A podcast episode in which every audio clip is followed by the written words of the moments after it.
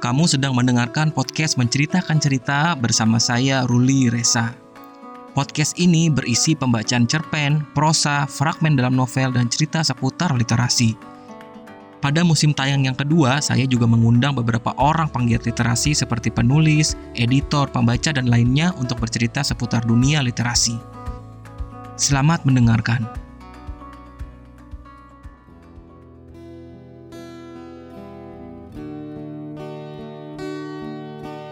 Laila, karya Putu Wijaya. Kerabat kerja. Laila diperankan oleh Maria Jessica. Istri diperankan oleh Gemma Sinta Damayanti. Suami diperankan oleh Ruli Resa. Lagu Bintang Kehidupan yang dipopulerkan Nike Ardila dinyanyikan oleh Maria Jessica.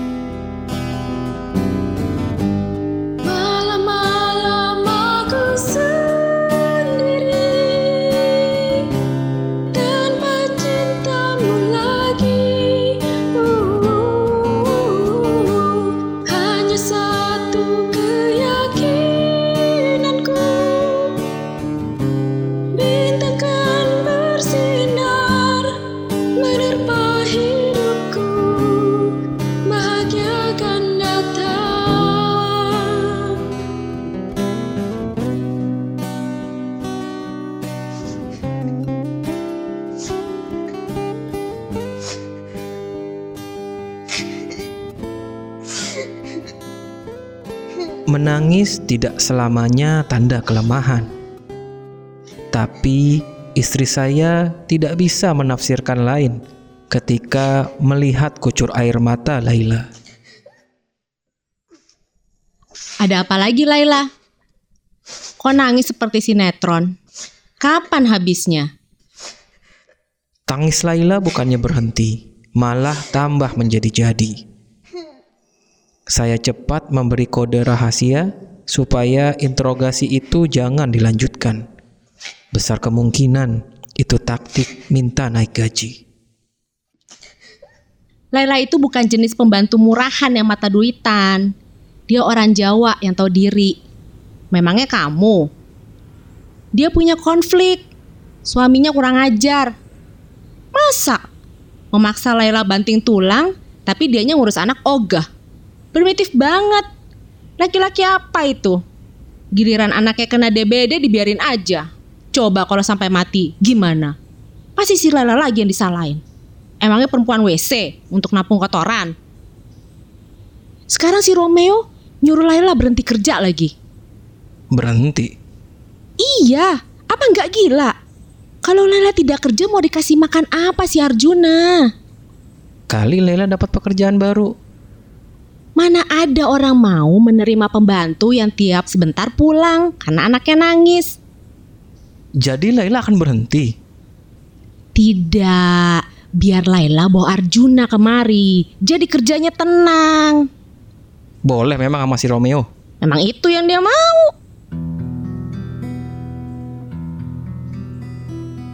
Saya menarik nafas. Sejak itu, Arjuna yang baru lima tahun itu jadi bagian dari rumah kami. Kalau dia nangis sementara ibunya memasak, sedangkan istri saya sibuk, itu tanggung jawab saya. Mula-mula berat, tapi kemudian terjalin persahabatan indah antara saya dan Arjuna. Saya bahkan merasa tersanjung ketika Arjuna memanggil saya Pak D.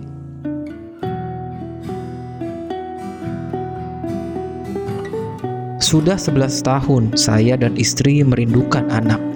Kami sudah capek menjalani nasihat dokter. Akhirnya kami ambil kesimpulan. Tugas manusia memang berbeda-beda. Kami mungkin bukan mesin reproduksi manusia.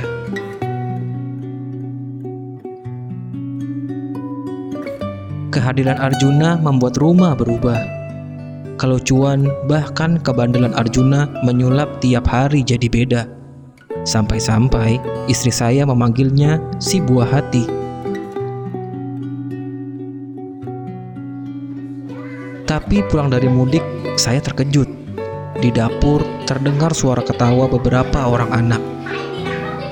Ternyata di situ ada lima bocah, hampir seusia Arjuna sedang main petak umpet.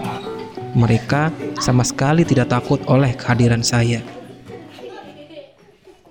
Itu anak-anak pembantu sebelah. Oh ya? Iya, orang tuanya juga sibuk kerja, jadi anaknya tidak ada yang ngurus. Daripada mereka jadi gelandangan atau korban narkoba, aku suruh aja main di sini, nemenin si buah hati. Mula-mula saya keberatan.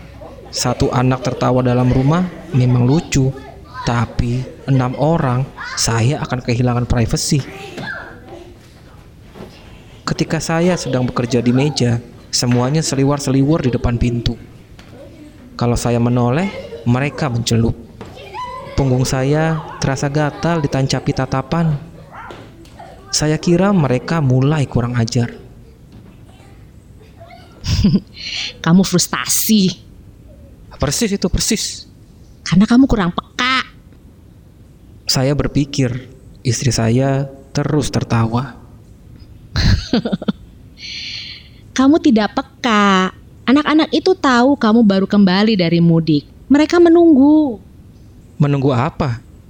Biasanya kalau pulang mudik orang bawa oleh-oleh. Aku bawa untuk Arjuna, bukan untuk mereka. Mereka semua anak-anak. Kamu harus berikan sesuatu kepada semuanya. Istri saya mengulurkan sebuah kantung plastik yang penuh coklat. Bagikan ini pada mereka. Saya takjub, tapi tak bisa menolak.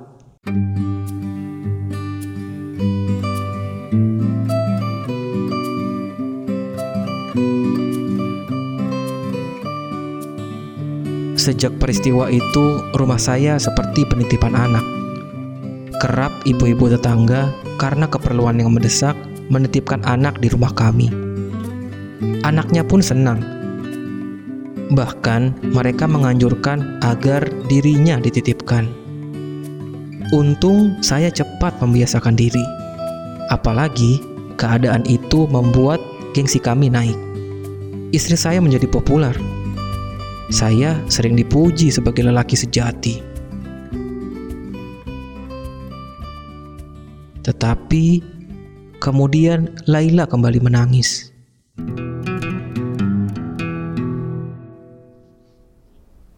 Si Romeo bertingkah lagi. Bayangkan, masa dia minta dibelikan motor? Motor? Memang mau ngojek? Boro-boro ngojek, naik motor aja nabrak mulu. Terus untuk apa? Menurut Laila, itu mau disewakan Romeo pada tukang ojek. Laila minta gajinya setengah tahun dibayar di muka. Kamu tolak kan? Gimana ditolak? Laila diancam akan digebukin kalau tidak berhasil. Saya jadi penasaran. Lalu saya mencecer Laila.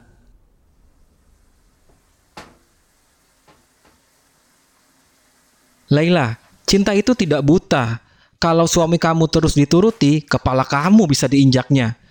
Suami pengangguran yang mengancam dibelikan motor oleh istri itu bukan saja menginjak, tapi itu sudah eksploitasi tahu? Iya, Pak. Kamu mengerti? Ngerti, Pak. Suami yang baik boleh dihormati, tapi yang jahat tendang.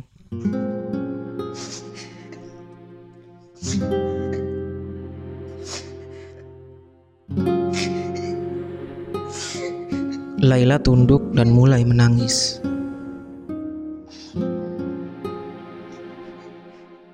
Kamu kok cinta mati sama si Romeo? Kenapa? Jangan-jangan kamu sudah kena pelet. Saya cuma mau berbakti pada suami, Pak. Itu bukan berbakti, tapi sudah bunuh diri. Orang tua saya selalu berpesan, suami itu guru, Pak. Kata ibu saya, gak boleh membantah kata suami. Nanti gak bisa masuk surga. Tapi kelakuan si Romeo kamu itu sudah melanggar HAM. Laila menunduk dan meneruskan menangis. hanya motor yang bisa menyetop air matanya. Terpaksa saya mondar-mandir ke sana kemari untuk mencari info motor bekas. Beruntunglah, salah satu satpam bangkrut karena kalah berjudi. Dia jual murah motornya. Langsung saya bayar daripada kehilangan Laila. Ngapain mesti peduli sama semua permintaan Laila? Kalau kamu manjakan dia begitu, sebentar lagi dia akan menginjak kepala kita. Pembantu itu jangan dikasih hati. Kalau dia mau berhenti, biarin. Kita cari yang lain. Tapi kemudian istri saya sendiri yang menyerahkan kunci motor bekas itu kepada Laila. Ini motornya Laila. Cicil berapa aja tiap bulan. Asal kamu jangan keluar. Laila mencium tangan istri saya dengan terharu. Saya juga mendapat perlakuan manis. Laila kelihatan sangat bahagia. Sambil nyuci, ia menyenandungkan lagu Nika Adila. Hanya iman di dada yang membuatku mampu selalu tabah menjalani. Tapi itu hanya berlangsung sebulan.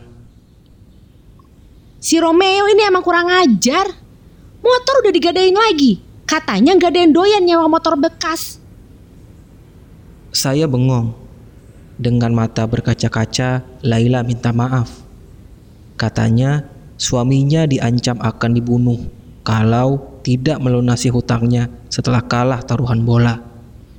Istri saya mencak-mencak, tapi kemudian ia mendesak saya menebus motor itu dengan janji. Romeo dilarang menyentuhnya. Kamu aja yang naik motor itu Laila. Yang lain-lain haram. Sejak saat itu, Laila masuk kerja menunggang motor. Mobilitasnya lebih rapih. Dia selalu datang tepat waktu.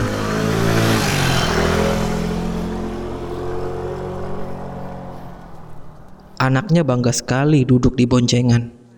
Meski para pembantu lain keki, menganggap nasib Laila terlalu bagus. Tidak kami pedulikan. Yang penting, Laila tetap setia di posnya. PRT seperti Laila memang perlu punya motor supaya tenaganya tidak terkuras di jalanan. Motor itu bukan untuk dia, tapi untuk kepentingan kami juga. Tak terduga, argumen itu patah ketika pada suatu hari Laila muncul tanpa motor. Hari pertama saya diam saja. Pada hari ketiga, saya tidak kuat melihat dia pulang menggendong Arjuna sambil menenteng tas besar. Motor kamu mana Laila? Dipakai saudara misan saya, si Nelly, Pak. Kenapa? Kerjanya lebih jauh, Pak. Kenapa dia tidak naik angkot saja? Nggak boleh sama suami saya, Pak. Saya bingung. Kemudian saya baru tahu. Nelly saudara misan Laila sekarang tinggal bersama Laila satu rumah. Itu motor kamu Laila, tidak boleh dipakai orang lain. Tapi suami saya bilang gitu, Pak. Saya harus ngalah. Sebab di pabrik tempat Nelly kerja aturannya keras. Kalau datang telat bisa dipecat. Kamu juga harus tepat waktu sampai di sini Laila. Betul, Pak. Ambil, ambil motor itu kembali. Besoknya, Laila masuk kerja tepat waktu. Tetapi dia naik ojek. Saya marah. Hah, maksudku kamu tidak hanya datang tepat waktu, tapi harus pakai motor kamu. Kalau kamu datang ke sini naik ojek, lebih baik jangan kerja. Laila bingung. Dia tidak mengerti apa maksud saya. Istri saya mencoba menjelaskan, tapi bukan menjelaskan kepada Laila, dia justru menerangkan kepada saya. Laila tidak berani minta motor itu karena takut digampar si Romeo. Ah, kenapa bangsat itu malah ngurusin misannya bukan istrinya? Sebab misalnya Laila itu perempuan. Gila, istrinya juga perempuan. Tapi perempuan itu lebih muda dan Romeo sudah mau menikahi si Nelly. Ya Tuhan, kenapa Laila nerima saja dikadali begitu? Sekarang emang banyak orang gila.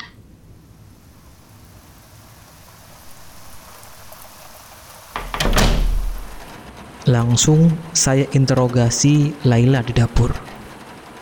Kenapa kamu terus mengalah, Laila? Suami kamu sudah kurang ajar. Jangankan mau menikahi misanmu, mengancam kamu membelikan pacarnya motor saja sudah zolim. Kenapa?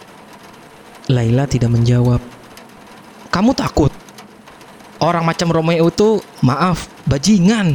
Dia harus dihajar supaya menghormati perempuan. Laila kembali diam saja. Itu namanya kamu sudah kena pelet.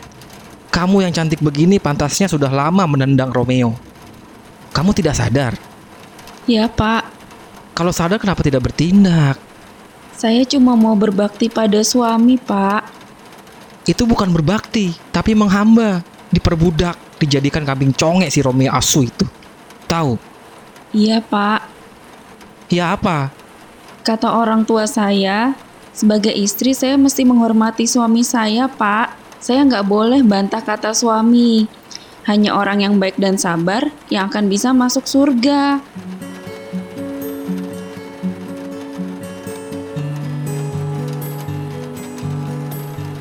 Kalau orang tua kamu masih hidup, dia tidak akan rela kamu disiksa begini. Kamu ini cantik, Laila.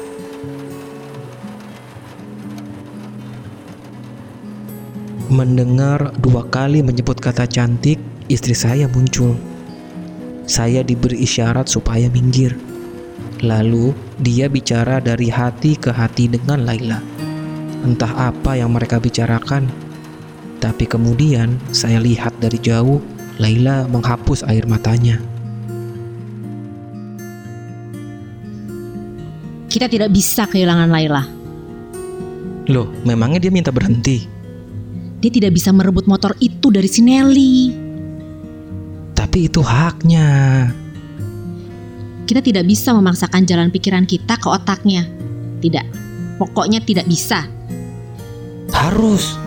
Kita berkewajiban mengajarkan dia berpikiran logis. Kalau terlalu didesak, bisa-bisa dia minta berhenti. Oh ya? Lela bilang begitu. Dia tidak bilang begitu, tapi pasti akan gitu. Kenapa ya dia begitu ketakutan? Soalnya si Nelly udah dikawinin sama Romeo. Saya terpesona. Lama saya mencoba menghayati bagaimana perempuan yang secantik Laila bisa dikuasai oleh Romeo yang tak beradab itu. Saya tak akan pernah bisa mengerti. Sementara terus terang, kami sangat bergantung pada Laila. Kalau dia tidak ada, rumah akan berantakan. Kita tidak mungkin kehilangan Laila. Tapi dia tidak boleh dibiarkan masuk kerja terlambat terus. Karena itu dia harus punya motor. Saya tak menjawab. Istri saya yang harus menjawab. Jawabannya agak tidak masuk akal. Laila dibelikan motor baru. Laila tersenyum sambil meneteskan air mata haru. Mendengar keputusan itu, Arjuna juga tertawa.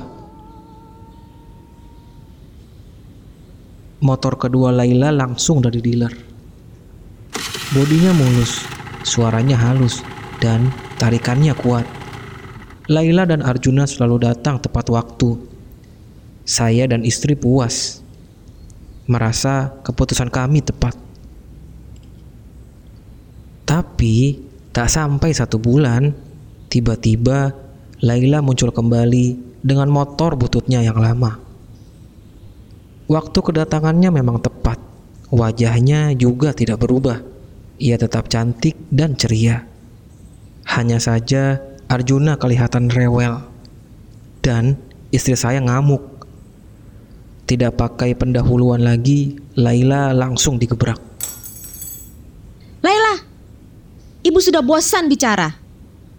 Kalau kamu masih datang pakai motor busuk ini, tidak usah kembali. Pulang. Ibu beli motor baru untuk kamu dan Arjuna, bukan untuk lelaki hidung belang itu.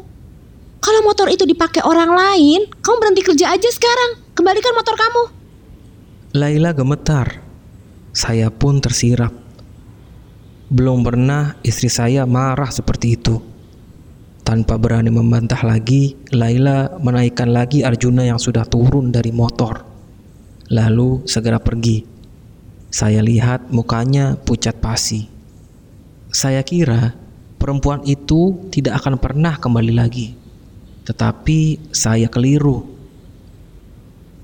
Besoknya terdengar suara motor yang halus masuk ke halaman. Saya cepat keluar dan kaget melihat Laila dengan motor barunya. Arjuna tertawa senang. Laila mengangguk dan menyapa saya dengan sopan. Eh, Laila kembali. Tapi mungkin untuk pamit. Sudah waktunya dia menghargai dirinya sendiri. Hari berikutnya, seminggu, sebulan, dan seterusnya, Laila tetap bekerja. Ia selalu datang tepat waktu, lewat dengan anak dan motor baru, memasuki halaman rumah kami, ia kelihatan tegar. Tak pernah menangis lagi. Rupanya, terapi kejut dari istri saya sudah membuatnya menjadi orang lain. Tapi, kalau diperhatikan, ada sesuatu yang hilang. Laila tidak pernah lagi mengumamkan lagu Nika Ardila. Kadang-kadang dia termenung dan kelihatan hampa. Ketika gajinya dinaikkan, Laila tersenyum, mencium tangan istri saya, tapi tidak lagi meneteskan air mata. Saya jadi penasaran. Laila, kenapa kamu kelihatan tidak begitu gembira? Saya gembira gaji saya dinaikin ibu. Makasih ya pak. Kamu naik motor mulus yang membuat iri orang-orang lain. Anak kamu senang dan sehat. Saya dengar saudara misan kamu sudah tidak tinggal di rumah kamu lagi. Suami kamu juga sudah tidak berani lagi pukul dan berbuat semena-mena. Betul itu? Betul pak. Tapi kenapa kamu kelihatannya tetap susah ya? Laila menunduk. Kenapa kamu sedih? Ya pak, karena sekarang saya nggak akan bisa masuk surga.